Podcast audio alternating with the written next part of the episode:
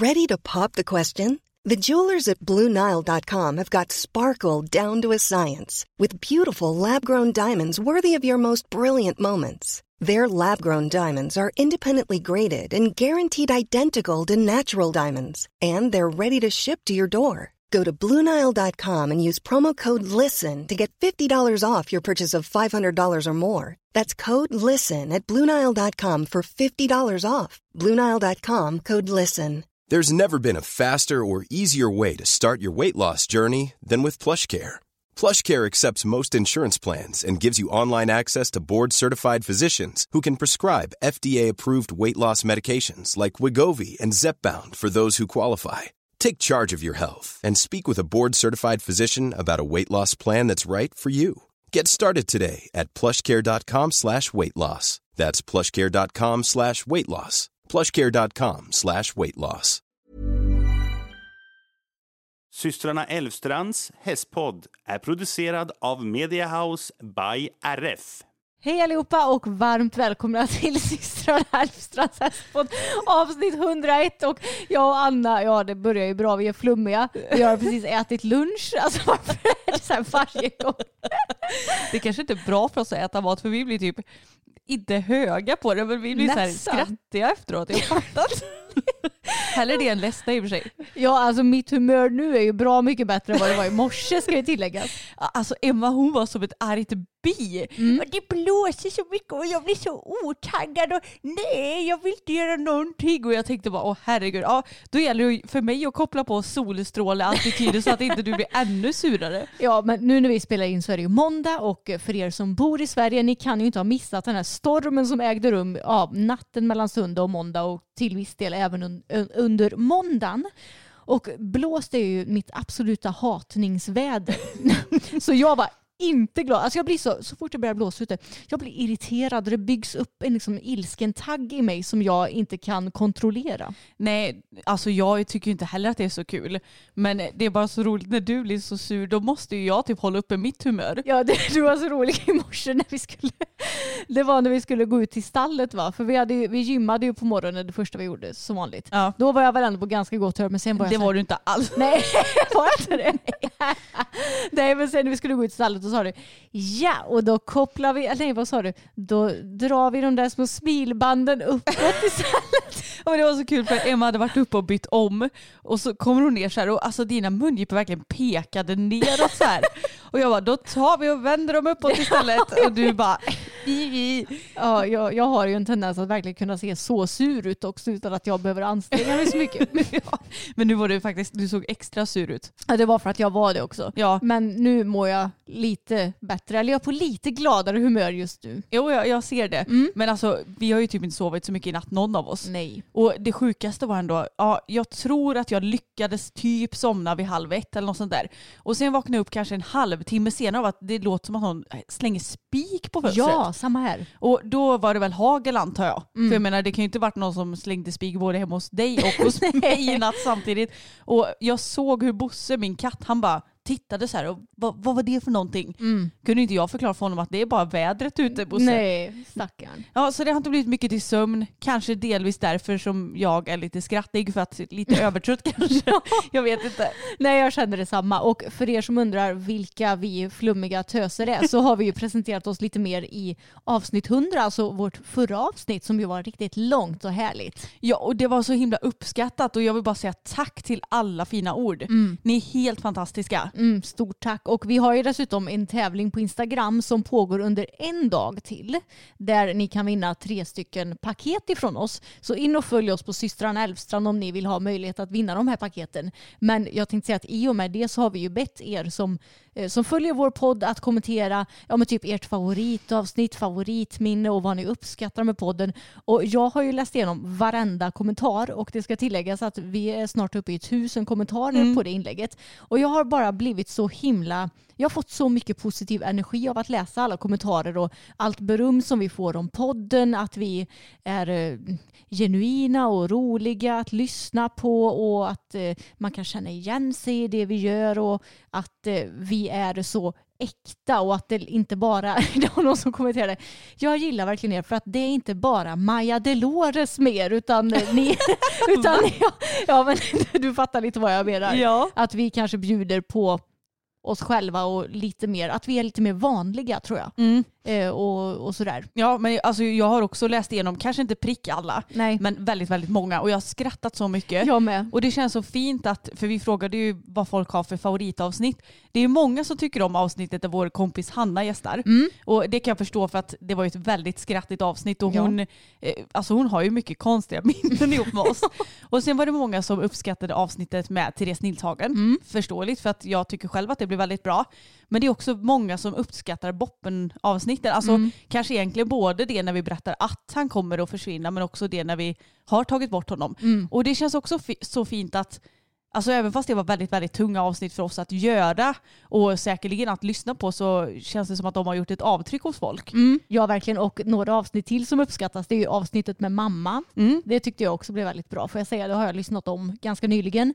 Eh, och även avsnittet med Sofie Jan. Mm. Vilket jag ju verkligen förstår för det är väldigt viktigt och gripande. Eh, men eh, sen så tycker jag också att det är kul för jag har ju läst vilka minnen som folk har. Och den, alltså det som folk har kommenterat allra mest att de tycker är kul med podden det är Emmas pizzagate. Pizza-incident.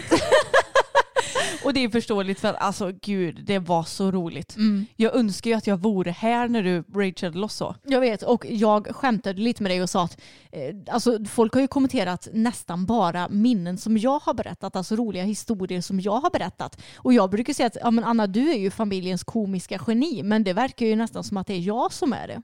Ja men då sa jag till dig att fast det handlar inte om att du är ett komiskt geni utan det är ju snarare så att du gör en massa konstiga grejer bara som är kul. Ja. Men det är ju också fantastiskt roligt. Alltså jag menar inte på något vis att jag är bättre än dig och du är inte bättre än mig. Men ja, du, jag vet inte, du, du hamnar i knepiga situationer bara. Jo jag vet och även när jag hamnade på akuten utan trosor Ja. och skulle röntgas och när civilpolisen, eh, ja inom stationstecken tog mig när jag åkte ner till Falsterbo med husvagn och eh, Och städkillen och städkillen på gymmet Ja. är det många som har och även vår, eller min mensincident i Falsterbo när vi fick byta bikinitrosor. Ja just det. Åh gud jag var så arg på dig då. Mm. Ja, det, det finns en hel del roligheter som vi har tagit upp i podden. Så ligger ni lite efter med lyssnandet vet ni om att ni har en hel del roligheter kvar. Ja, och jag känner att jag kanske egentligen borde ta och lyssna igenom alla avsnitt för det känns ju som att jag eh, har missat något tänkte jag säga. Nej, Mm. jag, man glömmer ju bort saker man har pratat om. Jo, det gör man verkligen. Det var därför som jag skrattade så när jag läste alla de här kommentarerna. För att jag fick Eh, fina minnen av vad vi har pratat om tidigare. Ja, men jag måste bara ta upp en grej till när det kommer till vårt 100 avsnitt. Vi ska snart lämna det för jag tänker att eh, vi har väl firat tillräckligt. Men det är ju också lite kul när vi skulle ta vår bild som vi la upp på Instagram. För då tänkte Emma så här att ah, men kan vi inte ta en bild med hästarna typ och eh, hålla upp ballonger där det står 100 på. Jag bara jo men visst. Och det, det här är ju så här lite bonne versus hur de kanske hade gjort om de hade bott i Stockholm. För det finns ju väldigt fina bokstäver, som, eller ja, siffror och bokstäver för den delen, som man kan fylla med helium eller luft och som man kan, ja men ni vet det ser verkligen ut som siffror. Så hade man kunnat köpa 100 i guld eller silver. Men nej nej, sånt har vi nog inte i lilla Vara. inte vad jag vet i alla fall. Så vi fick ju köpa vanliga hederliga ballonger och så fick estet-Anna måla de här siffrorna på ballongerna. Ja, men det blev faktiskt väldigt fint. Ja, Alltså jag är nöjd får jag säga, men det är så här bonneversionen av alltså en, en glassig bild. Jag vet och dessutom ska det tilläggas att mamma hon vägrar ju fota oss tillsammans med hästarna i hagen. Så vi, varje gång som vi ska få till någon bild med hästarna och hon är med i hagen då får vi liksom säga åt hästarna kom nu och så ställer vi oss vid staketet och så fotar hon där. Så det är en liten spoiler som ni kanske kan tänka på nu när vi kommer lägga upp liknande bilder i framtiden. Ja men de var ju som tur var ganska nyfikna på de här Mm. ballongerna så de ville ju komma fram självmant. Annars är det lite jobbigt om man får gå och hämta dem. Och så vill de gå tillbaka till maten och hålla på och krångla. men alltså jag måste bara säga det att det funkar ju ändå ganska bra att måla på ballonger. Men det där vidriga ljudet alltså. Ja. Det gnisslar. Åh, Mm. uh, jag kommer inte vilja göra om det om jag inte verkligen måste.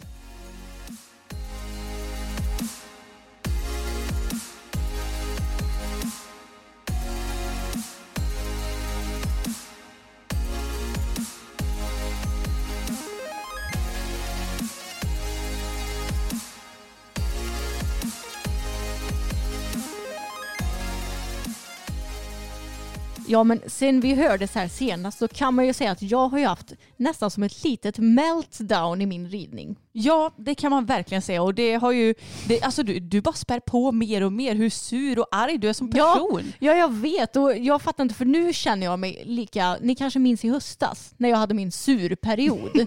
jag känner att nu är jag fan inne i en sån period också. Men vet du om det beror på något särskilt eller har du bara hamnat där? Nej men jag har nog hamnat där för att Bella hon har ju haft ja, men vintervila inom stationstecken så att jag har inte ridit någon dressyr eller hoppning. Ja men då är det dags att börja göra det nu igen och då inser jag att jag har glömt bort hur man rider och Bella hon har också lite glömt bort hur man går dressyr. Nej, det, det, är inte så Emma. Jag tror bara att du har lite för höga krav på både dig själv och hästen nu. Jo, jag vet men det är så jävla frustrerande för då skulle vi ja, dels hoppträna hos Sten för en vecka sedan typ. Mm. Och då skulle vi åka till honom för första gången. Och jag tänkte perfekt, då kan vi dels komma iväg och träna eh, eftersom våra hoppträningar drar igång här på ridskolan nu snart igen och perfekt med ett nytt ridhus. Och då kändes ju Bella egentligen jättefin hela träningen. Mm. Så himla fint framme och liksom fin och sådär. Tyckte att ena kortsidan var lite läskig för han hade ja, men typ sin eh, lastbil och massa grejer där så att det blev mycket tryck och hon är väldigt tryckkänslig men då tänkte jag perfekt, det är bra träning för henne och det gick ändå ganska bra till slut. Men alltså jag kan ju inte rida. Eller jag kan inte hoppa när jag inte har gjort det på ett tag. Jag bara sitter och plockar och plockar och plockar. Ser inte ett avstånd. Jag kan liksom egentligen ligga helt perfekt men i min hjärna kopplar det som att jag ligger helt åt helvete konstigt. Alltså jag blir galen på mig själv. Varför blir man helt okapabel till att hoppa när man inte har gjort det på ett tag? Ja och framförallt så tycker jag att man, alltså de här rappa besluten, de finns inte i hjärnan Nej. överhuvudtaget. För att när du är inne lite mer i svängen och hästen är jag verkligen framme på skänken och, och med en, då kan man ju ta rappa beslut och mm. bara, ja ah, men nu ligger jag lite stort, trycker fram den, den svarar direkt och man kommer perfekt på hindret. Mm. Men när man inte har hoppat på länge, då blir det så att man bara, eh, nu kanske jag ligger på halvdistans, eh, vet inte vad man ska göra, så tar man inget riktigt beslut. Nej. Jag blev så frustrerad på mig själv. I slutet kändes det väl ändå lite bättre och jag hoppas ju på att det här nog ändå var en nyttig träning för nu ska vi ju hoppträna igen imorgon när den här podden släpps. Och eh, jag tror och hoppas att jag kanske kommer vara lite mer varm i kläderna tills mm. dess.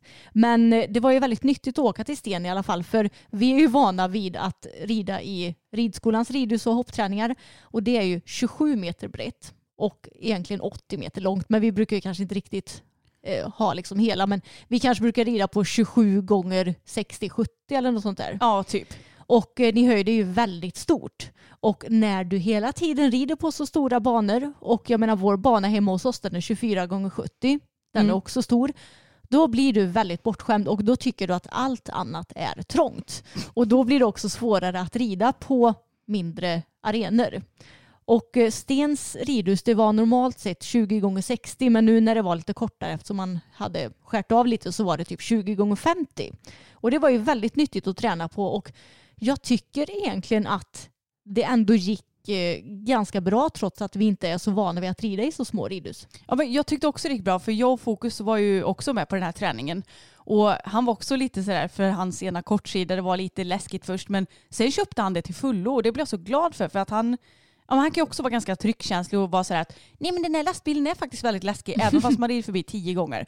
Eh, men jag eh, tyckte väl att det gick ganska bra. Jag kände mig också lite ringrostig. Men eh, ja, alltså jag har egentligen inget att klaga på. Det kändes bättre och bättre ju längre träningen gick. Mm, precis, och jag har ju också insett att jag får ju lite skärpa mig det här med Bellas tryckkänslighet. För ifall jag ska kunna tävla överhuvudtaget på vinterhalvåret, alltså på inomhustävlingar, då måste jag ju också komma ut och hoppa fram i ridhus som bara är 20 meter breda. Mm. För jag har insett att ja, det finns typ så här ett en klubb, kanske en max två klubbar här i Västergötland som har ridhus som är bredare än 20 meter att hoppa fram i. Ja och det är ju så, man, man får ju lite ta det som finns mm. istället för att skita i att tävla överhuvudtaget. Ja men exakt så därför är det bra nu att jag känner på lite den här ridningen nu under trygga former så att hon ändå kan vänja sig att gå i lite mindre ridhus och där vi ändå kan träna på de här tryckgrejerna med tanke på kortsidan och även att rida igenom lite trängre passager och så inne i ridhuset. Så att vi kanske kan vara redo för för att hoppa fram på lite trängre avstånd sen. Och jag, jag menar, jag har ju alltid rödrosett i svansen, jag håller alltid avstånd. Ja, då är det ju faktiskt inte mitt problem ifall någon rider för nära mig. Då får man ju skylla sig själv. Ja men det är ju tyvärr så. Alltså man kan inte göra mer än vad man gör. Mm. Men jag tyckte det var så kul för jag glömmer aldrig en fråga som vi fick om det var någon frågestund eller sådär. Och då var det någon som skrev eh, om Emma ska tävla SM och det visar sig att framhoppningsridhuset bara är typ 20-40 ridhus. Hade Emma valt att inte ställa upp då, då tänkte jag bara eh, är den här människan medveten om att SM går typ i så här 1,50 eller? Ja. ja. ja, vissa frågor vi får är ju ganska så roliga. ja, de är jättegulliga Mm. för att alltså man, man kan tänka sig att SM är väl ingen biggie men jo, är man senior så är ju det 1,50. Mm. Och där kanske vi inte hamnar. Nej, det lär ju inte eh, hamna där kan man säga. Om du inte får typ en hjärntumör som får så här rädslan bara och försvinna Nej. helt och hållet. Precis. Men jag måste ju fortsätta snacka lite mer om mitt eh, rid-meltdown då Mm. förra veckan. Och eh, ja men då hoppade vi ju och då kändes ju egentligen hon bra bara att jag var väldigt missnöjd med min egen ridning. Och sen skulle vi rida dressyr några dagar senare åkte vi till ridhuset för att det var väl fröset ute eller något sånt där. Ja, eller blåsigt. Blå, ja, någonting. och eh, ja, högervarvet var hon superfin i. Men i vänstervarvet var det ju som en jävla planka som liksom gick inte att ställa eller någonting och ville bara gå inåt och liksom tryckte mot min vänsterskänkel och jag kunde inte sitta ner i traven i vänstervarv för att hon var så stötig och stel och högervarvet gick hur bra som helst. Och hon gick inte framåt i vänstervarv utan hon stod emot och var lite jobbig. Jag bara, åh herregud, Emma, lugn och fin nu för hon har ändå varit, alltså innan hon gick på vila tycker jag att hon var ganska så jämn i båda varven. Ja, rätt så liksidig. Ja, exakt. Och nu så har ju tydligen den här liksidigheten försvunnit helt och hållet. Och det gjorde ju att mitt tålamod tröt och att min lilla mm, ilsken, ilskna bi, eh, ja, hjärna satte igång. Mm. Åh, alltså jag blev så irriterad och jag kunde liksom inte hitta något sätt att lösa det på heller i min ridning. Nej, det är ju väldigt svårt när man känner att det blir som en motgång för att det blir lätt att man fastnar i att åh det känns inte bra, det känns inte bra. Nej, men då får man ju försöka att leka lite detektiv. Och så här, ja men känner, känns det helt jäkla skit, ja men skritta då. Alltså man får försöka att sänka kraven men det är ju också lätt att sitta och säga när man är lugn och när jag satt på Tage som var jättefin då är det väldigt lätt för mig att säga bara men ta det lugnt. Och jag försökte ju hjälpa dig lite men jag kände att du var inte riktigt mottaglig så jag bara nej, Nej. men jag, jag får skita i att hjälpa henne. Ja, jag känner att det är väldigt skönt att vi ska träna för Johan den här helgen för det är välbehövligt. Ja. Ja och eh, själv så har ju jag varit hos optikern. Det var ju på tiden, jag har ju pratat om det flera gånger i podden att jag måste boka tid. Och jag trodde någonstans i min hjärna att ja men det var väl inte så himla länge sedan jag var där. Vet du hur länge sedan det var jag var hos optikern? Eh, fem år sedan. Ja, hösten 2017. Ja. Så det är ju snart fem, eller ja det är ju fyra och ett halvt år sedan. Helt sjukt så att det var ju verkligen på tiden. ja. Och då så kom jag dit och hon frågade om jag tyckte att min syn hade förvärrats och då sa jag ja lite kanske men inte någon drastisk förändring så.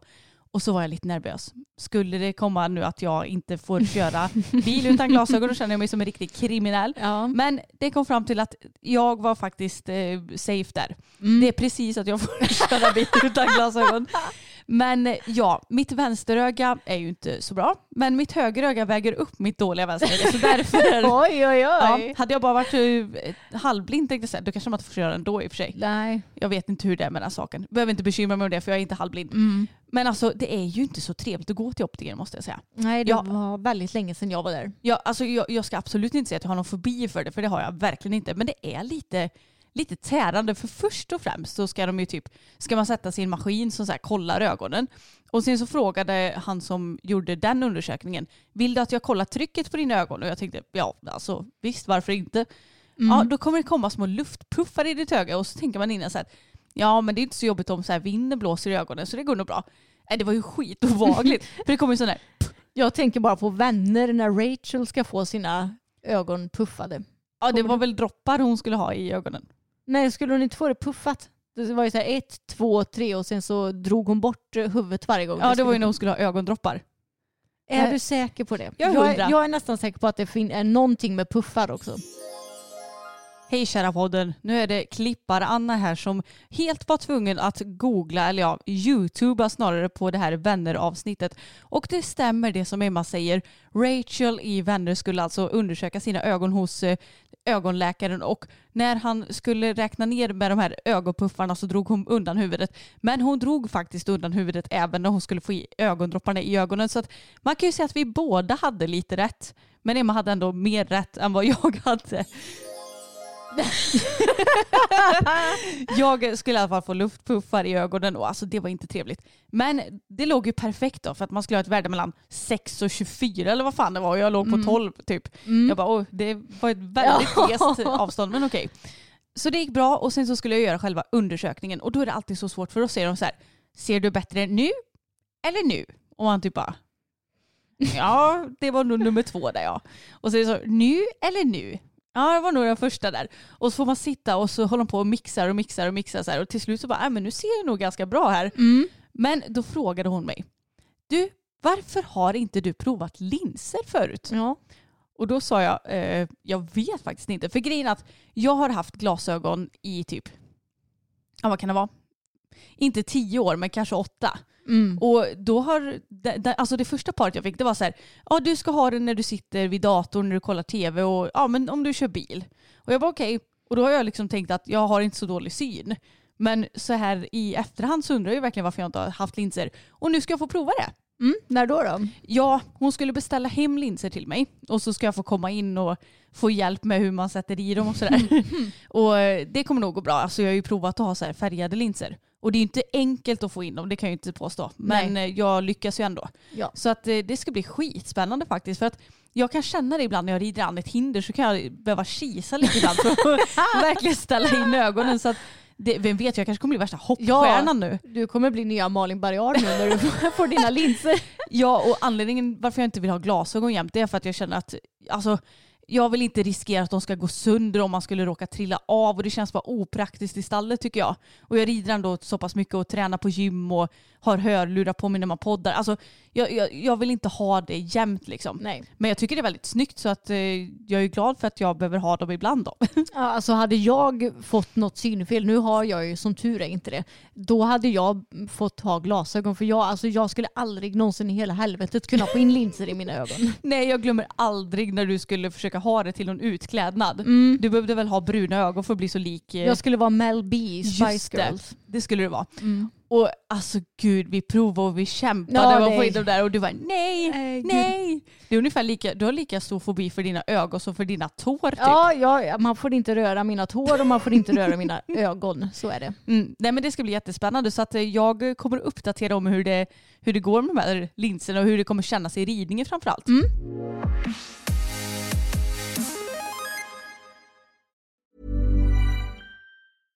How would you like to look five years younger? In a clinical study, people that had volume added with Juvederm Voluma XC in the cheeks perceived themselves as looking five years younger at six months after treatment. Look younger, feel like you. Add volume for lift and contour in the cheeks with Juvederm Voluma XC. Reverse signs of aging by adding volume to smooth laugh lines with Juvederm Volure XC. For important safety information and to find a licensed specialist, visit juvederm.com. That's J U V E D E R M.com. Not for people with severe allergic reactions, allergies to lidocaine, or the proteins used in Juvederm. Common side effects include injection site redness, swelling, pain, tenderness, firmness, lumps, bumps, bruising, discoloration, or itching. There's a risk of unintentional injection into a blood vessel, which can cause vision abnormalities, blindness, stroke, temporary scabs, or scarring. Talk to a licensed specialist to find out if it's right for you.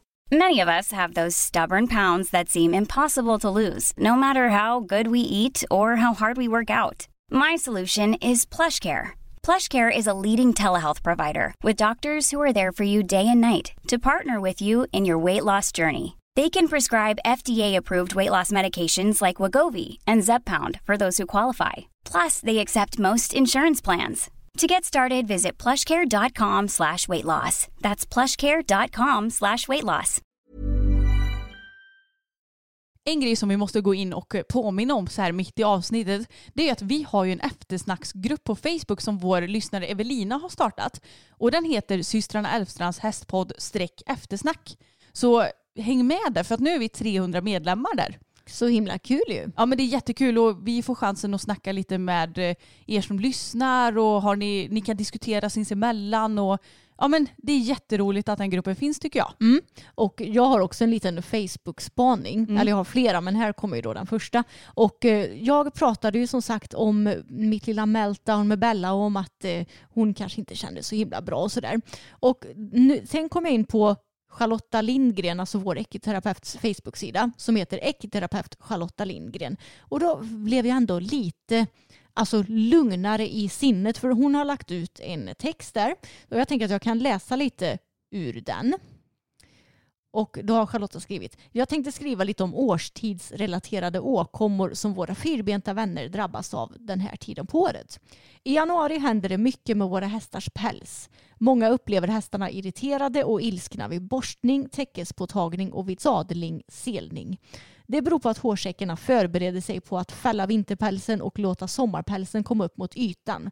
Den här processen brukar ta 3-6 veckor innan fällningen kommer igång och det är egentligen då hästen är som mest känslig. Mitt råd är att ha så mycket tålamod det går fram till fällningen kommer igång. Ta lite tid med täckespåtagningen, sadling, selning, borsta minsta möjliga och med borstar hästen står ut med. Lägg eventuellt renskinn under sadeln som irriterar mindre. Lägg bara på täcken med blank insida och så vidare. Låt hästen gå utan täcke några timmar om det är sol och vindstilla så den kan tillgodogöra sig D-vitamin. Och nu kommer vi då till det som jag hajade till på. Under den här tiden kan hästen också vara väldigt ojämn i arbetet. Ena dagen känns den fantastisk medan nästa dag är den knappt ridbar. Ta varje träningspass för vad det är. Gör det som ni tycker fungerar de dåliga dagarna eller bara ta en promenad eller lugn joggingtur. Det kommer inte vara för alltid och det är den här tiden alla mår bra av lite kravlös motion eller viloperiod. Ja vad intressant och alltså det här med att man ska ta varje ridpass för vad det är det ska man ju göra oavsett. Ja, verkligen. men det är ju väldigt lätt att förvänta sig samma känsla som man hade igår. Ja, exakt. Men jag tyckte ändå att det var lite skönt för jag tror att många kan känna igen sig i det här att hästarna kanske känns väldigt ojämna. Tage han är ju till exempel extra känslig nu och sur när det kommer till sadling och sådär. Och det har ju tydligen sitt eh, svar varför han är det. Bella hon är också lite tjurig, det är hon visserligen alltid mer eller mindre. Men eh, ja, alltså som sagt hon kändes ju fantastiskt fin på onsdag när vi tränade hos Sten. Och sen några dagar senare så bara nej. Och då kanske jag ändå, nu kanske inte det berodde på det här, men jag kan ändå inbilla mig att det beror på det här om du fattar. Så att jag inte behöver skylla allt på att jag, jag själv är dålig. Och jag tror det allra största bekymret just det ridpasset var att du, du, alltså det är som när man får en tabbe på dressyrbanan och bara kan fokusera på det. Ja, jag vet. Att så här, du, du blir bara liksom surare och surare Mm. istället för att försöka hitta någon lösning. Eller bara som Lotta skriver i det här att man bara typ skrittar. Ja. Eller sitter och promenerar. Alltså Mm. bara bryta mönstret. Precis, och jag känner att det är ändå skönt att ha en liten meltdown så här mitt i januari. För än är det fortfarande ganska lång tid kvar tills tävlingarna drar igång och vi behöver liksom inte hårdträna än för det är inte nu som hästarna ska vara i bäst form. Nej, så är det ju verkligen. Och inte vi själva heller kanske för den delen. Nej, så att det är ju bara att sitta lugnt i båten. Och dessutom så tänker jag också att visst, nu, nu höll ju hon igång, hon longerades och ni var ute och skrittade och red i skogen och så här. Eh, Så att det var inte så att hon vilade helt och hållet i två veckor. Men jag tänker också att om vi är iväg från gymmet i två veckor Mm. och ändå är rörliga liksom i stallet och rider och promenerar till exempel. Jag menar, vi kan ju inte ta samma vikter i stångrodd Nej, två veckor senare om vi inte har tränat. nej, Så man får ju tänka att så är det väl säkert lite för Bella. Nu tror jag att de tappar muskler lite långsammare än vad vi gör. ja, För vi är ju lite mindre än vad Mm. hästar är. Liksom. Men jag tror att man får ha det lite i bakhuvudet också. att Alltså även om hon har hållit igång så har ni inte gjort riktigt samma arbete. nej exakt. Och då kan ju inte du sätta det kravet, för du skulle aldrig sätta det kravet på dig själv. Nej det skulle jag inte. Så man får ju ändå, man får se det lite större än vad man egentligen gör när man blir sur på att det inte funkar. Ibland så kan jag ju få lite knasiga tankar i min hjärna. Och, och nu det senaste har jag tänkt på så här, saker som är helt normala för oss och många andra som jag tänker, är inte det rätt jävla konstigt egentligen? Och en sån, en sån sak, det är där med att ha husdjur. Alltså vi har liksom små djur som bara går omkring i våra hus som är egentligen gjorda för att vi människor ska bo här. Och de bor här och de har en liten låda som de kissar och bajsar i. Och det som är ännu konstigare är ju att ha husdjur i bur kan jag ju tycka. Ja. Ja, men jag, jag vet inte varför jag har tänkt på det, men de här katter de, urspr- de är ju ursprungligen ifrån typ så här, ja, men lejon och tigrar och sådana djur som ska bo utomhus. Hur fan kommer det sig då att vi har med tiden lyckats få in de här katterna i våra eh, hus och samma med hundar. De ursprungligen är ju från vargarna. Ja men nu bor det hundar i våra hus som man ska hålla på och gå ut och gå med och allt vad det är. Alltså är inte det just husdjur en ganska konstig företeelse egentligen? Jo men det är det och, vad är det som säger vad som är ett husdjur och inte? Jag menar du kan ju ha en kanin men du skulle inte kunna gå och hämta en hare som hoppar Nej. runt på åkern och ha den inne. Jag hade fått panik. Ja men exakt och jag tycker inte alls lika konstigt att ha så här, ja, men kor och getter och grisar och hästar för de använder man ju ändå på något sätt. Mm. Eh, och det har man ju gjort även liksom förr i tiden i jordbruket. Men att ha liksom husdjur, alltså det är någonting som är helt normalt som jag tänker fan vad konstigt det är egentligen. Ja. En annan sak som jag tänkt är konstigt som du och jag gör typ varje dag det är att gå på gymmet. Alltså vi går till en lokal där det Betalar pengar. betalar pengar för att liksom lyfta massa vikter i olika vinklar på vår kropp. Mm. För att vi ska bygga muskler. Alltså det är också så jävla, en så jävla konstig grej egentligen. Vem fan kom på det här från början? Ja, jag vet. Och det- alltså, om man tänker så här, ursprungsmänniskan, det, det var ju snarare så att den kanske mer hade kondition snarare än muskler. Alltså den sprang ju typ om den skulle någonstans. Jag menar Mm. Ja. innan man hade några som helst färdmedel tänker Mm. jag.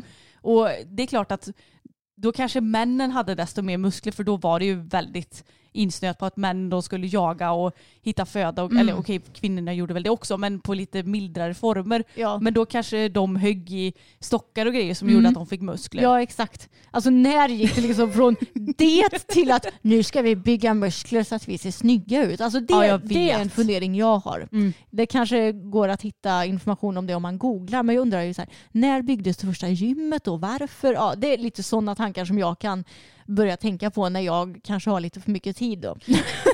Ja men det är intressant tycker jag. Ja men det är det faktiskt. Men det är ju just därför också jag tycker att man ska, när man tränar, inte ha fokus på hur kroppen ser ut. För Mm. att det, det spelar ingen roll för ursprungsmänniskan hur kroppen såg ut. Nej. Den skulle ju bara vara användbar. Mm. Och jag menar så är det ju för dig och mig också. Ja. Vi tränar ju för att vi ska vara så smärtfria som möjligt. Mm. Och för att vi ska vara så duktiga i sadel som möjligt. Ja. Resten är ju helt skitsamma. Nu när du ändå drog upp det här om gym Emma, så måste jag dra min lilla gymlista här. För att alltså, vi har ju gått på gym nu i, ja, Fem och ett halvt år. är det så länge? Men gud, 2016. alltså, sommaren. hade, jag fått gissa så hade jag typ gissat tre år kanske. Men det, tiden går så himla fort ju äldre man blir. Men jag tänkte säga i alla fall att det, det finns ju så många olika gymtyper och jag är övertygad om att jag säkert också är störande så nu menar inte jag att det är bara alla andra som är störande och att jag är världens ängel. För så är det säkert inte. Men jag har några olika typer här som jag har stött på under de här fem och ett halvt åren då tydligen. Och en person var det någon gång som jag, jag hade glömt hörlurar. Det är ju så himla typiskt för att jag hatar att träna utan hörlurar. But I did it anyway. Och eh, alltså, det är inte så att musiken på gymmet är så det är jättehög så det överröstar folk utan man hör alla ganska så tydligt. Då var det en som låg så här på en bänk och skulle väl köra någon form av bröstövning så här med två hantlar. Så skulle personen så pressa upp de här hantlarna. Och under tiden, alltså man ska ju gärna andas väldigt mycket. Andas ut, när, eller hur fan blir det? Ja, man ska ju andas in innan man lyfter för att få så mycket syre till blodet som möjligt tror jag. Mm. Hur som helst så ska man ju också kanske gärna räkna då för att hålla lite koll på hur många gånger man orkar lyfta de här vikterna. Ja. Då kör den här människan så här. En, två, tre. Alltså typ andades och räknade samtidigt. Jag, jag, jag höll på att gå i taket. Alltså misofoni. Emma hade ju aldrig pallat med det där. Alltså jag, eh, jag var så här, ska jag säga någonting? Men vad ska jag säga då? Kan du sluta räkna högt? Ja, men alltså, det var så störande så att jag trodde att jag skulle brinna upp. Mm. Sen har vi ju the mansplainers. Mm. De har ju du och jag varit med om några ja, gånger. Några gånger. Ja, och det är så här, när man går på gym och i synnerhet när man kanske är lite nybörjare, då gör man kanske inte alltid jätterätt. Det gör jag fortfarande inte fem och ett halvt år senare. Men det finns ju ingen anledning för någon att säga till mig hur jag ska göra såvida jag inte frågar den personen. Nej. Uh, ursäkta, är du väldigt bra på knäböj? Kan du uh, se så att jag gör rätt? Det är Mm. helt okej, fråga någon annan. Men om jag skulle göra en knäböj och, och så kommer det fram en person och bara eh, du ska faktiskt eh, ha tårna lite mer framåt eller ja, vad som helst. Mm. Det är inte okej. Nej. Och vi var ju med om det när vi skulle köra så här, eh, latsdrag. Då drar man ner en stång eh, bara rakt upp och ner egentligen så här, Mm. för att träna ryggen. Och då vet jag att vi la på lite mer vikt och då blev det att vi fick flaxa lite med kroppen. Mm. Och då kom han fram och bara det är bättre att ni tar lite lägre vikt så att ni kan sitta stilla. Man bara, alltså vi vet om det. Ja. Men Någon gång måste man ju också öka på vikterna lite grann och då kanske inte formen är liksom 100% perfekt. nej. början. Och jag tänker att huvudsaken är väl att man inte flaxar som en total idiot så att Nej. eh, man skadar kroppen. Det är ju en helt annan Mm. femma. Och sen så finns det ju de som stånkar och stönar så förbannat högt när de tar i. Alltså jag fattar att saker och ting är jobbiga men när man liksom då undrar jag ju vad man håller på med ärligt talat. Ja men alltså jag vet ju att vissa gym har ju fått sätta upp så här lappar. Stöna inte när du lyfter eller var, försök vara tyst när du lyfter för att det är så många killar slash män då såklart som håller på och låter så mycket. Ja men alltså det låter, det låter inte nice för fem öre. Nej. Och det spelar typ ingen roll om man har lurar på sig. Man hör de här ändå kan jag säga. Mm. Och sen så finns det ju de som röker. Och det här, alltså jag blir så här att de kan väl inte rå för det. Det kan de i allra högsta grad. Men det är bara så jobbigt med rökare på gymmet för att i alla fall har vi ju märkt av en person i alla fall. Mm. Det är väldigt sällan faktiskt, men en person specifikt har precis innan hen kommer in på gymmet dratt sitt sista bloss. Liksom. och så, jag glömmer aldrig när den här personen hängde sin jacka typ över din skinnjacka. Nej, fy fan. Du fick ju typ slänga den. Ja, alltså jag var tvungen att vädra den i flera dagar för att den stank rök. Mm. Åh, usch, det är så äckligt. Och för mig som inte röker och som tycker att rökning är typ det äckligaste på denna planet, då är det inte heller så nice att ha någon person som precis har varit ute och rökt och så ska man försöka att ta i. Nej. Det, är samma, det samma gäller även om man stinker av parfym. Mm. Eller någon annan lukt, typ Ja.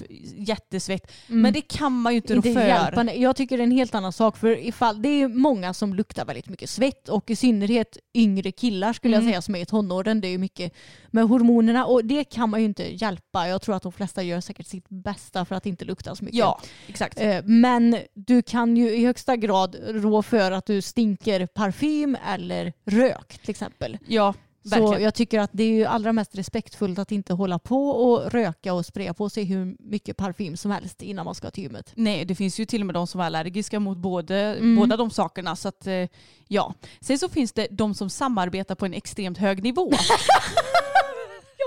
Det här har vi sett. Och det- är en grej så här. Tänk om man kör till exempel bänkpress. Då ligger man på en eh, brits och så tar man en stång och så ska man dra eller liksom pressa den uppåt och så tar man den ner mot sitt bröst och så ska man pressa upp den igen. Och det är en grej så här att eh, om jag bara, ah, men Emma jag ska maxa lite på den här övningen, kan du passa mig så att inte jag kvävs här Mm. under den här stången? För det, det kan ju hända olyckor också på gymmet Ja. såklart. Och det är samma om man kör knäböj till exempel, se till så inte jag trillar baklänges med stången eller vad som helst. Hade kunnat varit jag.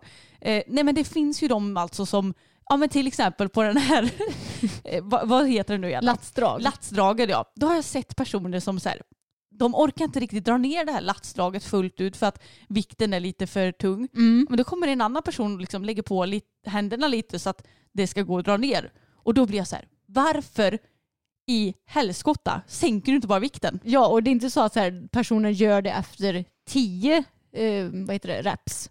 Utan, alltså repetitioner. Utan de gör det efter så här, första, andra repetitionen. Så då känner man bara, om du hade sänkt vikten med så här 5-10 kilo så hade du inte behövt ta hjälp. Nej, eller hur? Och sen så finns det ju också de här typerna som tar en massa selfies. Ja. Alltså jag kan väl också ta någon bild någon gång. Men det är absolut inte varje pass. Det är typ så här en gång i månaden kanske. ja, och då när det inte är några andra i samma rum också. Exakt, för att jag har varit med om jag ser folk så här stå och posa typ, och jag bara men hallå, nu står jag typ i bakgrunden här. Ja, Jag vill kanske inte vara med på din bild. nej, jag, jag vet att det var någon som hade lagt ut någon bild på Instagram och så var jag i bakgrunden. Då var det någon kompis och sa Emma var du på gymmet igår eller? Ja, ja för jag såg dig på hens Instagram. Jag bara jaha. Ja. Och det, alltså jag, så här, jag skiter väl i om så här, det, det handlar inte om att jag bara åh men tänk om jag var ful på den bilden. Det är inte det det handlar om. Jag tycker att det handlar om respekten att man, man tar inte massa bilder med massa folk i bakgrunden. Mm. Så tycker jag i alla fall. Och sen så finns det de som, det här är framförallt ofta äldre personer har jag märkt, som tar på pulsmätarna. Alltså det är ganska ofta som jag springer på löpan för jag tycker det är ganska tråkigt. Men på dem så finns det ju så här pulsmätare som du kan hålla i. Och för att de ska fungera så behöver man ju hålla en stund och så känner de av ens hjärtslag. Och så kan den mäta så här. Och varje gång man tar tag i dem så piper de till. De, de här personerna som typ tar tag lite och så typ släpper och tar tag och släpper eller om de typ, jag vet inte vad de gör med händerna men att de inte är stilla.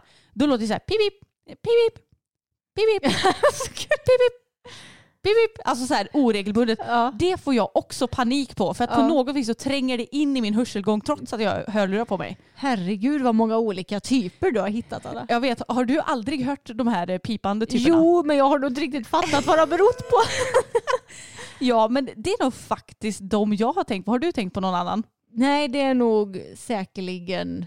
Nej gud jag har nog flera när jag tänker efter. Aha. Vi har ju en person som tar upp hela gymmet när hen är Ja, där. just det ja. Ja och det är så konstigt för att då, så här, då, då kör hen på typ så här fem olika maskiner eller redskap på samma gång och Ja. springer runt i hela gymmet så här. Ja, men typ cirkelträning. Ja, och det är väl helt okej om det är typ tomt i gymmet. Mm. Men om man själv väntar på någon maskin eller något redskap så är ju det lite respektlöst. Ja, precis. Ja, det, det hade jag nästan glömt bort. Ja. Jag med. Och sen så var jag faktiskt med om en ny eh, person här om veckan bara som Alltså det här med svett då. Man Mm. kan ju inte rå för att man svettas. Men den här personen svettade så mycket att det hade skvätt på hela golvet. ja, det var riktigt äckligt. Jag skulle köra höftlyft i, eh, i smitten. Mm. Alltså det är en stång som verkligen sitter fast. Man kan inte ta loss den från sin ställning. Mm. Och jag fick ju alltså börja med att sanera både golv, eh, stång och bänk. Och jag bara, alltså, jag är sån här också, har jag bestämt mig för att köra en övning då vill jag inte bryta mitt mönster. Nej, så den personen hade liksom inte tvätt eller städat upp efter sig? Nix fix. Ja, det är inte så fräscht. Nej, då blev jag lite förbannad men jag insåg ju det lite för sent för då hade den här personen redan gått. Mm. Så jag vet inte om jag, alltså jag har ju blivit lite mesig va? Mm. Så jag vågar inte riktigt säga ifrån. men ja. Ja. nej det var inte så fräscht. Nej, men eh, tack för den här listan av gymtyper då. då. Ja, jag tyckte det var kul. Ja, det var kul och jag tror att många av ni som lyssnar kanske känner igen er också. Ja och som sagt jag säger inte att jag är fläckfri för det är jag säkerligen inte. Nej, samma här. Jag såg något inlägg i Facebookgruppen Dressyrsnacket för några dagar sedan. Och eh, då var det en, man kan säga att det handlade om en säkerhetsaspekt som jag typ inte har tänkt på tidigare. Intressant. Mm. Och då står det, när jag jobbade på ridskola var det en regel att alla med långt hår skulle ha hårnät vid ridning. En av ägarna hade varit med om en avfallning där ryttaren hade lång fläta som hästen klev på är lika med skalpering. Ah, jag får panik bara Mm. du säger det här. De flesta av oss har nog aldrig tänkt tanken. Jag rider själv med tofs eller fläta men det kan i alla fall vara bra att prata om. Eh, och eh, ja, alltså det enda som vi har fått höra det är ju att man ska ha ja, men to- uppsatt hår, tofs eller fläta. Mm. Men jag menar, har du riktigt långt hår, det är klart att det blir ju också en säkerhetsrisk. Alltså gud jag får panik bara av att tänka på det här. Mm. Fy, fy i hela, ursäkta franskan, helvete vad ont det måste göra. Mm, jag vet. Och eh, kommentarerna är lite blandade. Det är vissa, jag tror att det kanske är vissa som är lite äldre som kanske mm, hade mer de här reglerna kanske när de red Mm. och eh, tycker att det är en bra grej och det är det ju såklart. Eh, det, det verkar ju vara kanske den största, alltså det största säkerhetsmässiga du kan göra om du har långt hår. Eh, Men sen så är det också vissa som skriver jag tar risken. och sen var det någon som kommenterade att ifall hästen trampar på ditt hår så skulle jag vara mer orolig för eh, att bli trampad i huvudet eller på ansiktet. Ja det är ju för sig sant. Mm, och att det kanske krävs väldigt mycket för att hamna i en sån situation också. Ja, jag har aldrig tänkt att jag skulle hamna i någon liknande situation i alla fall. Nej, precis. Och vissa skriver att de har ja, men, tofs eller fläta och sen stoppar in den innanför tröjan. Mm. kan man ju också göra. Eh, ett litet tips ifall man inte orkar eh, köra med hårnät och sådär. Eh, ja, alltså ganska många blandade kommentarer men jag har ju aldrig tänkt att det här skulle vara en risk, alltså att en, en häst trampar på håret och att man blir skalperad. Oh, Gud, jag får, alltså jag får verkligen panik. Jag vet jag med. Fy fan vad ont. Ja. Men menar de hårnät som i att man ska ha upp allt hår under hjälmen då? Eller bara att det kan ligga i ett hårnät i nacken typ? Jag tror att det kan ligga ett hårnät i nacken. Ja, för jag, jag har ju pratat om det här lite grann tidigare, om det här med att stoppa in håret i hjälmen. Och jag har ju förstått att alltså, det funkar tydligen ganska bra för att i många hjälmar finns det som en typ liten ficka, alltså eh, bakom där hjälmen sitter åt, eller Mm. under där hjälmen sitter åt så kan det vara en liten ficka och att man ofta kan få plats med håret där. Men annars så kanske man måste gå upp flera storlekar för att få plats med sitt långa hår menar Mm. jag. Och då sitter ju inte hjälmen optimalt tänker jag. Nej precis. Men åh, tänk om det skulle hända. Nu kommer, nu kommer det vara det jag tänker på. och så kommer det bli som så här, eh, bara för att man tänker på det så händer det. Ja exakt. Ja, jag är ju så lat så jag kommer ju ta risken. Ja, och jag har ju inte så långt hår längre så Nej. jag tänker att den här risken borde vara ganska liten numera. Ja, Jag har ju inte jättelångt hår heller. Det har ju varit betydligt, betydligt längre än vad det är nu. Ja, och har det inte hänt än så kommer det inte att ske. Nej, men det är exakt. Och det var någon som kommenterade något så kul att lite svinn får man räkna med när man har hästar. Eh, och då var det någon som sa jag har blivit av med en tånagel eller två och det är sånt som man får räkna med. Lite hår som blir avslitet. Jo, visst är det så, men jag, jag kan känna lite att jag hade ju hellre blivit av med en tånagel än mitt hår. Ja, Alltså rent smärtmässigt tänker jag. Mm. Visst, nog inte så skönt att bli av med en tånagel heller, men nej, det har jag också blivit någon gång när jag blev trampad. ja. En, en tånagel som har gått av, en bruten överarm, två hjärnskakningar. Är det Eh, inte fler än så? bara det är två. då, Det är nog bara två tror jag. Eh, sen så ett gäng muskelskador. eh, och ja, nu senast då min svanskota där jag flög av på den. Ja. Det, det var ju också skadad ett litet tag. Ja men det är lite sånt svinn man får stå ut med helt enkelt. ja, jag har inte haft så mycket svinn faktiskt. Nej faktiskt, är det inte fler? Är det så Hur många gånger tror du att jag har ramlat av? Ja, men jag glömmer aldrig när du åkte av när jag och Samuel var på väg hem eh, med matvaror typ och du bara jag har Nej. trillat av, jag kommer inte ihåg vilken dag det är och jag bara åh nej. Då hade du hjärnskakning Ja. och så fick du hjärnskakning med Abbe och sen tror jag det är någon mer gång alltså. Nej jag har inte fått det. Är det inte det så? är bara två Nähä. gånger. Okej då. Ja, men jag får hoppas att det inte blir allt för många gånger fler. För varje gång du får hjärnskakning så är det ju, alltså desto värre är det ju. Ja, inte så bra för hjärnan. Nej exakt. Vi kan ju faktiskt inte undgå i det här avsnittet att ta upp eh, det som kanske har varit veckans största snackis. Mm. Och eh, det är att Ludger Beerbaum har blivit ertappad med barrering. Och eh, Hipson har skrivit en artikel om detta så jag tänker att jag kan ju ta och läsa lite ur den för den är inte så lång. En av världens mest framgångsrika ryttare genom tiderna, Ludger Beerbaum, har vid flera tillfällen fångats på film när han rider på flera olika hästar som har barerats under hoppträning. Under tisdagskvällen så publicerades filmerna på den tyska tv-kanalen RTL. På filmen ses en person stå bredvid hästen och slå upp en stör på hästarnas ben. Genom slagen ska hästarna bli försiktigare över hinder. Det är en insider och närstående till Ludger Beerbaum som har filmat under flera månader. För mig är det fruktansvärt att en så ansedd ryttare som blir så hyllad, bland annat av min dotter, plågar djur. Det får man inte. Tyska djurskyddsförbundet beskriver det som djurplågeri och tyska motsvarigheten till Länsstyrelsen kallar det för djurskyddsvidriga träningsmetoder. Träningsmetoden är naturligtvis förbjuden av det tyska ridsportförbundet. Ludger Beerbaum har fyra OS-guld och två VM-medaljer. 2004 blev han dock av med guldmedaljen efter att hans häst har visat positivt vid dopingresultat. Fem år senare chockade han med sitt uttalande “Det som inte hittas är tillåtet”. Ja, och jag tänker att jag fortsätter att läsa lite ur artiklar från Hipson gällande det här. Och jag tänker att vi kan lägga in en länk med alla Hipsons artiklar som är taggade med Ludger Beerbaum. Mm. För då hittar man alla på ett bra ställe. Och eh, vår svenska hoppryttare Henrik von Eckermann, han har ju jobbat hos Ludger i tio år tror jag va? Ja, jag tror det var ett Mm. decennium sa de. Något sånt där. Och eh, Henrik har ju då skickat ett sms till Hipson och kommenterat hela situationen och han har då sagt så här. Jag kan inte uttala mig om vad andra ryttare gör eller inte gör. Jag kan bara svara för hur jag hanterar och tränar mina hästar. Men jag tar verkligen avstånd från all form av otillåten träning. För mig är hästarnas välmående det allra viktigaste och vi jobbar 24 timmar om dygnet för att våra hästar ska må bra. Och sen kom det ytterligare någon artikel där det står att FEI samarbetar med det tyska ridsportförbundet för att vidta rätt åtgärder. Och sen till slut, den sista artikeln som har kommit upp än så länge, eh, så handlar det då om Ludgers uttalanden efter de här filmerna. Och då säger han Inslaget på RTL Extra är på flera punkter felaktigt och ärekränkande i många avseenden. Naturligtvis kommer vi att vidta juridiska åtgärder. Det är oacceptabelt att det förekommit hemlig filmning på min privata egendom. Hästens välfärd är högsta prioritet hos mig och mitt team. Endast den häst som blir väl behandlad får professionell omsorg och fodras, tränas och får rätt management kan nå sportliga framgångar. Hästen är vårt kapital som vi tar hand om dag ut och dag in. Och enligt Beerbaum har scenerna i inslaget på ridbanan ingenting med barrering att göra. Det handlar om tillåten så kallad touchieren som blir genomförd av en rutinerad utbildad hästmänniska. Objektet som syns i videon följer tyska ridsportförbundets riktlinjer för tillåten touchieren. Inte längre än 3 meter och max 2 kilo tung.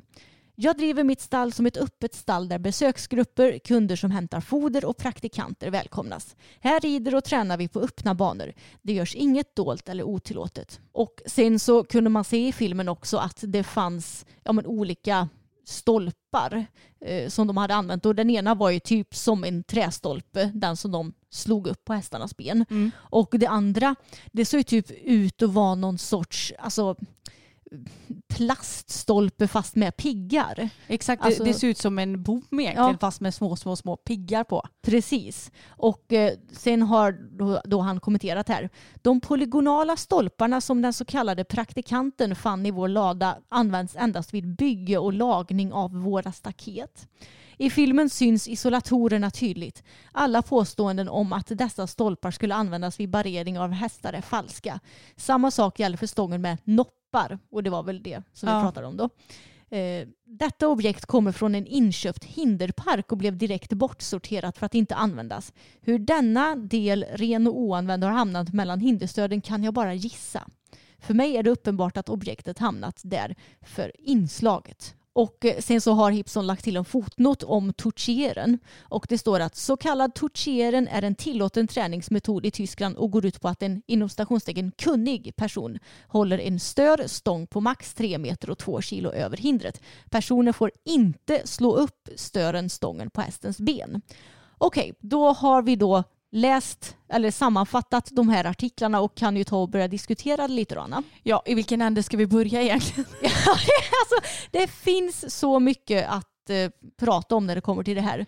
Men det allra första som jag tänker på det är att man blir ju inte förvånad över Nej. att höra det här. Och eh, det hade liksom kvittat om det var Ludger eller typ vilken annan hoppryttare som helst så hade jag inte blivit speciellt förvånad. Nej, alltså man hör ju om skitmetoder i vilken, alltså vilken sport eller gren den är. Mm. Jag menar, vi har ju hört om grisfösare hos travhästar. Ja. Eh, Och i, i dressyren så ser man ju istället rollkur. Mm. Och det är också så sjukt för att jag, jag, i hoppningen, alltså tyvärr så känns det ju som att det ändå är en metod som hjälper. Mm. Alltså med barrering, för jag menar att hästarna blir mer försiktiga och så här. Men på ett helt brutalt vidrigt sätt. Men när det kommer till Ludger så känns det som om hans värderingar med tanke på det citatet som han sa. Mm. Att det som inte syns har inte hänt eller vad, vad var det? Det var någonting sånt. Det som inte hittas är tillåtet. Ja just det. Precis, det säger ju ganska mycket kanske om vad han har för syn på hästar och träningsmetoder. Och eh, vi har ju sett de här filmerna som RTL har släppt. Och eh, man kan ju se tydligt i de filmerna att ja, Ludger rider ju hästen och sen så står det en person bredvid hindret och de har också satt upp som en vit, alltså det ser nästan ut som eh, en infångare Mm. som personen står bakom så att inte hästen ska se personen. Och sen att den slänger upp då den här stången på hästens ben när hästen hoppar över hindret. Och jag tycker det är kul för Ludger påstår ju att det är touchieren som han har gjort Mm. och att det är tillåtet. Men när vi läste förklaringen av touchieren så stod det att man inte får slänga upp stången. Så det är ju absolut inte touchieren han gör utan det är ju vanlig barrering. Så det, jag tror ju knappast att tyska ridsportförbundet skulle godkänna det här som lagligt eller tillåtet. Nej, då, då skulle jag antagligen inte säga att det där är touchieren. Nej. Och för det första så fattar jag inte vad det här touchieren är och varför det skulle vara bättre. Alltså, Mm. jag, jag förstår inte syftet med det heller. Inte jag heller. Det är väl bättre att allt är otillåtet. Ja, precis. Och så tycker jag det är så kul också när han försöker försvara sig för den här, eh, ja, men den här piggiga Plaststång- ja, ja. Ja. men om han nu hade råkat få med den när han köpte någonting där, varför har han då inte slängt skiten? Det kände jag exakt också. Det är som att vi skulle beställa hem ett gäng bommar så här, och så får vi med plast eller om, om det ligger typ någon så här, eh, sorts eh, skumgummi runt bommarna för att de ja, men inte ska skavas mot varandra. Ja, och så skiter vi i att slänga det. Ja, Alltså jag menar du slänger väl allt som inte du vill ha kvar? nej. Eller ja menar jag.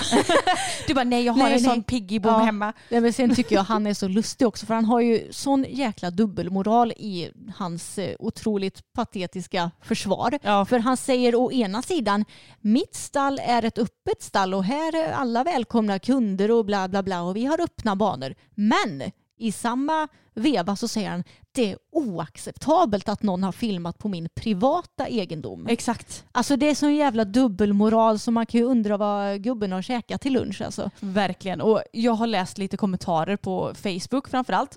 Och då har folk skrivit att ja, jag hoppas att de drar in hans medaljer och bla bla bla. Jag tror ju dock inte att det tyvärr kommer att och röra honom så mycket i ryggen. Alltså, det är klart att han kommer att sakna sina medaljer. Men jag tror inte att det är det som behöver göras för att han ska få sig eh, en, eh, vad ska man säga, mental käftsmäll. Nej. Eh, Utan jag tror att vi behöver stänga av den här människan. Alltså Mm. det känns som att någonting kommer vi verkligen behöva göra drastiskt för att folk ska fatta att blir du ertappad med den här jävla skiten så kommer något väldigt hemskt att hända dig. Ja, och i synnerhet eftersom Ludger han är ju kanske typ en av världens absolut mest kända hoppryttare skulle jag Ja. säga. EM förra sommaren hölls ju till exempel på hans anläggning. Mm. Och han har ju de här medaljerna och han har ju varit verksam i så otroligt många år även om just nu är han ju kanske inte som allra mest framgångsrik men han har ju varit extremt framgångsrik och han är ju väldigt, alltså han är ju en väldigt populär ryttare om man ser historiskt sett. Ja och jag fattar ju varför för att alltså det som vi ser på tävlingsbanan, han rider ju trevligt. Mm. Så det är ju väldigt synd att sånt här, jag tänkte säga att det är synd att sånt här kommer upp, det var inte det jag menade. Det är synd att sånt här sker. Det Ja. var det jag menade. Och det jag tänker på det är att om FEI och tyska ridsportförbundet hade verkligen eh, alltså, gjort några ordentliga åtgärder så att han får några riktiga konsekvenser av det här. Då sänder man ändå ut ett ganska så tydligt meddelande till alla i resterande sporten att ja, det kvittar vad du heter. Ifall du beter dig som skit mot dina hästar så kommer det att få konsekvenser. Och jag tror att det i sin tur hade kanske gjort att fler människor inte hade vågat behandla sina hästar på det här sättet. Precis, alltså någonstans så måste man ju sätta ner foten för att det inte ska ske för fler hästar. Mm. Ja, för det tragiska är att det som vi ser på de här filmerna det är antagligen väldigt milt mot vad väldigt många andra hästar får vara med om. Ja, säkert. Typ Fokus. Han har nog varit med om betydligt värre saker än det som vi har sett på de här filmerna. Ja, det har han väl antagligen blivit med Mm. tanke på hur rädd han var för bommar och hinder när han kom till mig. Ja, Så ah, nej, det gör så ont i själen att veta om att det här sker och att det säkert tyvärr är ganska så vanligt. mm. Och att ja, ja, jag hoppas att han får ett riktigt jävla straff. ja, men det är det här som är problemet också när det är så otroligt mycket pengar inom ridsporten. Och jag, alltså, jag förstår organisationer som typ petar till 100% när de vill förbjuda ja, men, ridsporten i OS och sådär. För ja, alltså är det värt att hästar ska bli behandlade på det här sättet bara för att vissa människor är sugna på en OS-medalj? Eh, Jag tror att det är betydligt vanligare på om en högre nivå och när hästarna blir en business att man sysslar med sådana här grejer. Ja. Jag tror inte att så många hobbyryttare som till exempel dig och mig och vi som tävlar på lite lägre nivå för att det är kul. Jag tror inte det är många, så många hobbyryttare som sysslar med det här utan det är ju de som verkligen tjänar pengar på sina hästar. Och jag kan tycka att det är ganska så oetiskt att kunna tjäna så här mycket pengar på djur för det kommer alltid finnas djur som blir drabbade på ett eller annat sätt då. Mm, de hamnar ju verkligen i kläm. Mm, precis. Men sen måste jag säga att jag blir lite mm, fundersam över Henriks uttalande om att eh, ja, men jag tar avstånd från det här. Fast mm, nu, nu vet vi ju inte vad som hände på Ludgers gård under de tio år som han jobbade där. Mm. Men jag tänker att sker det på hans gård idag så skedde det ju säkerligen även de tio åren som han jobbade där. Ja, Och har han jobbat där under så många år då kan han ju kanske inte ha undgått att se någonting. nej. Och att ta avstånd enligt mig det är ju att packa ihop och Mm. sticka därifrån. Och säga upp sig ja. Ja, men eh, det är inte att jobba i tio år och sen så komma med en liten inflikande i en artikel idag och bara nej men jag tar avstånd från det där. Nej, Nu tror inte jag att Henrik, eller jag hoppas ju verkligen inte att han håller på med något sånt där. nej. Men jag tycker bara att Ja du förstår vad jag menar. Ja precis, det, det var ett ganska så fegt uttalande kan jag tycka. Ja. Och det visar ju också att de som är inom sporten kanske lite mer håller sig själva om ryggen istället för att hålla hästarna om ryggen.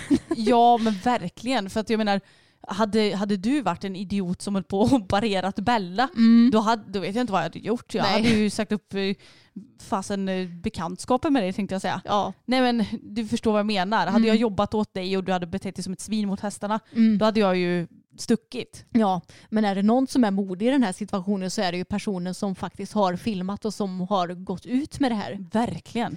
Verkligen big ups till den personen och i synnerhet med tanke på att det verkar vara en närstående till Ludger. Mm. Och det, ja, jag har ingen aning om vilken relation de har men det är ju helt otroligt att de ändå, de gillar ju säkert Ludger som person kan jag Mm. tänka mig, men att de ändå visar på vad som händer för att de tycker att det är fel för hästarna och att det inte är någonting som bör finnas i sporten. Eh, Jag har verkligen stor respekt för sådana människor. Jag också. Det känns ju också som att då är det verkligen inget bullshit för det kommer inte från någon random person som vill sätta dit Ludger för att den är avundsjuk på hans eh, anläggning. Typ. Utan det handlar ju ändå om någon som står honom nära då uppenbarligen. Ja, exakt. Och sen måste jag också tillägga en till grej som jag har ja, men sett på lite olika kommentarsfält på sociala medier och som jag har tänkt på själv. Och det är att inom ridsporten då tar du en oetisk handling. Inom hoppningen så är det barrering Mm. och inom dressyren så är det rollkur. Och sen så hittar du på ett lite mer fancy ord. Och helt plötsligt så blir de här handlingarna tillåtna. Och i hoppning då är det då toucheren. Ja. Och i dressyr, kan du gissa vad det är? Nej. LDR, low deep Ja, round. ja, just det. Det var ju så Klart. himla populärt för ett antal år sedan i dressyren att nej jag sysslar inte med rollkur, jag rider low deep round. Ja. Så att man byter ord på en företeelse som är fel och sen bara ja men det är okej för jag rider inte rollkur, jag rider- rider low deep round. Ja fast det är ju för fan typ exakt samma sak. Ja. Och eh, samma med hoppning, ja men vi hittar på ett lite snällare ord för barrering så är det tillåtet. ja, men alltså ärligt talat, jag skulle nog behöva se det här tortyren med egna ögon för att förstå vad det är. För att jag förstår inte, hur kan det hjälpa då att hålla någon liten käpp och inte göra någonting jämfört med att bara hoppa över en bom? Jag, jag, fattar inte det heller, det är så fruktansvärt ologiskt i mina ögon. Ja. Då borde man ju bara kunna hoppa ett högre hinder typ. Ja, exakt. Ja, jättekonstigt. Men det kanske är för de som inte riktigt vågar det. Då kan de ta ner den där bommen om man säger nej, nej, bort med den. ja, precis. nej, jag skojar. nej, alltså det här är så ologiskt för mig att man kan vilja göra så mot sin häst. Men det är klart att jag tjänar ju inte miljoner pengar på mina hästar. Nej. Så jag kanske hade tyckt annorlunda då. Nej, det hade jag absolut inte tyckt. Men jag är bara så sjukt och jag, som sagt, jag hoppas verkligen att han får ett ordentligt straff. Ja, men då kommer vi sätta punkt för det här avsnittet här. Det känns som att det här med barering barrering och oschyssta metoder att behandla sina hästar på, det kan man ju inte diskutera nog. Men jag tycker att det är bra att det här har kommit upp till ytan och att Ja, men jag tänker att det borde finnas folk som får sig en tankeställare om inte annat. Mm, verkligen. Och på tal om det här med barrering så har jag också sett flera kommentarer på typ Facebook att jag, jag har varit med om flera hästar som vägrar att hoppa ett hinder när det står en person bredvid hindret. Åh. Mm, och då kan man ju förstå varför. Ja. Och eh, också folk som kommenterar att ja, det är många av de större ryttarna som ja, men innan de ska gå in på banan så när de hoppar framåt de lägger hästen riktigt jäkla dåligt på något hinder så den typ kommer i bott och river hindret för att den sen ska bli mer uppmärksam inne på banan. Mm. Det, det är ju också det, det är ju svårare att bevisa att det där är barrering men det är ju också en sorts barrering kan man ju säga. Ja men faktiskt för det, syftet är ju att få hästen mer oförsiktig. Nej, mer försiktig menar jag. Ja. Så det är klart att på något vis så blir det ju det. Mm. Ja, jag, jag förstår inte hur man kan vilja rida som med flit för jag gör ju det med oflit ibland. och då är inte det kul. Nej, verkligen inte. Nej, det är tråkigt. Men som vi sa i vår video på Youtube, det som vi vanliga människor kan göra det är att vara schyssta mot våra hästar. Att eh, våga diskutera det här och prata med det eh, med varandra om det. Och sen också att kanske inte... Alltså, jag har ju så svårt för det här med att se olika stora ryttare som förebilder. För jag tänker så här, ja det kanske ser jättebra ut när hon eller han rider oavsett om det är dressyr eller hoppning inne på banan. Men jag har ingen aning om hur de tränar sina hästar på hemmaplan. Nej jag vet. Det är det som jag tycker är lite läskigt. Jag vågar typ inte säga att någon person är min förebild för jag har ju bokstavligt talat ingen aning om hur de behandlar sina hästar hemma. Nej vi har ingen aning. Och alltså det kommer vi ju kanske aldrig få veta heller. Nej. Förrän det faktiskt händer någon sån här skit, då kanske det kommer fram. Ja, så man kanske ska vara, alltså passa sig för att hylla vissa ryttare till skyarna också. För hur många är det egentligen av oss som vet hur hästarna har det hemma hos dem? Ja. Det är nog bara en handfull personer typ. Ja, och nu kanske man inte ska gå runt och vara superskeptisk till prick alla duktiga ryttare heller. Men Mm. ja, man, man får inte vara för blåögd heller. Nej men exakt. Men ni får ha det så jättebra allesammans. Och tack för att ni lyssnat på ännu ett avsnitt. Mm. Det blev ett gott och blandat avsnitt, mycket diskussion och lite skratt och skoj precis som vanligt. Ja, vi lyckades faktiskt då seriösa till oss under tidens gång. Men faktiskt, det var kanske tur att vi tog upp det här Ludger-grejet i slutet av avsnittet när vi hade lugnat ner oss lite grann. Det känns så. Ha det jättebra så hörs vi igen om en vecka. Det är vi. Hej då! Here's a cool fact a crocodile can't stick out its tongue. Another cool fact you can get short term health insurance for a month or just under a year in some states. United Healthcare short term insurance plans are designed for people who are between jobs, coming off their parents' plan, or turning a side hustle into a full time gig. Underwritten by Golden Rule Insurance Company, they offer flexible, budget friendly coverage with access to a nationwide network of doctors and hospitals. Get more cool facts about United Healthcare short term plans at uh1.com. Planning for your next trip? Elevate your travel style with Quince. Quince has all the jet setting essentials you'll want for your next getaway, like European linen, premium luggage options, buttery soft Italian leather bags, and so much more. And is all priced at 50 to 80% less than similar brands. Plus, Quince only works with factories that use safe and ethical manufacturing practices. Pack your bags with high-quality essentials you'll be wearing for vacations to come with Quince. Go to quince.com slash pack for free shipping and 365-day returns.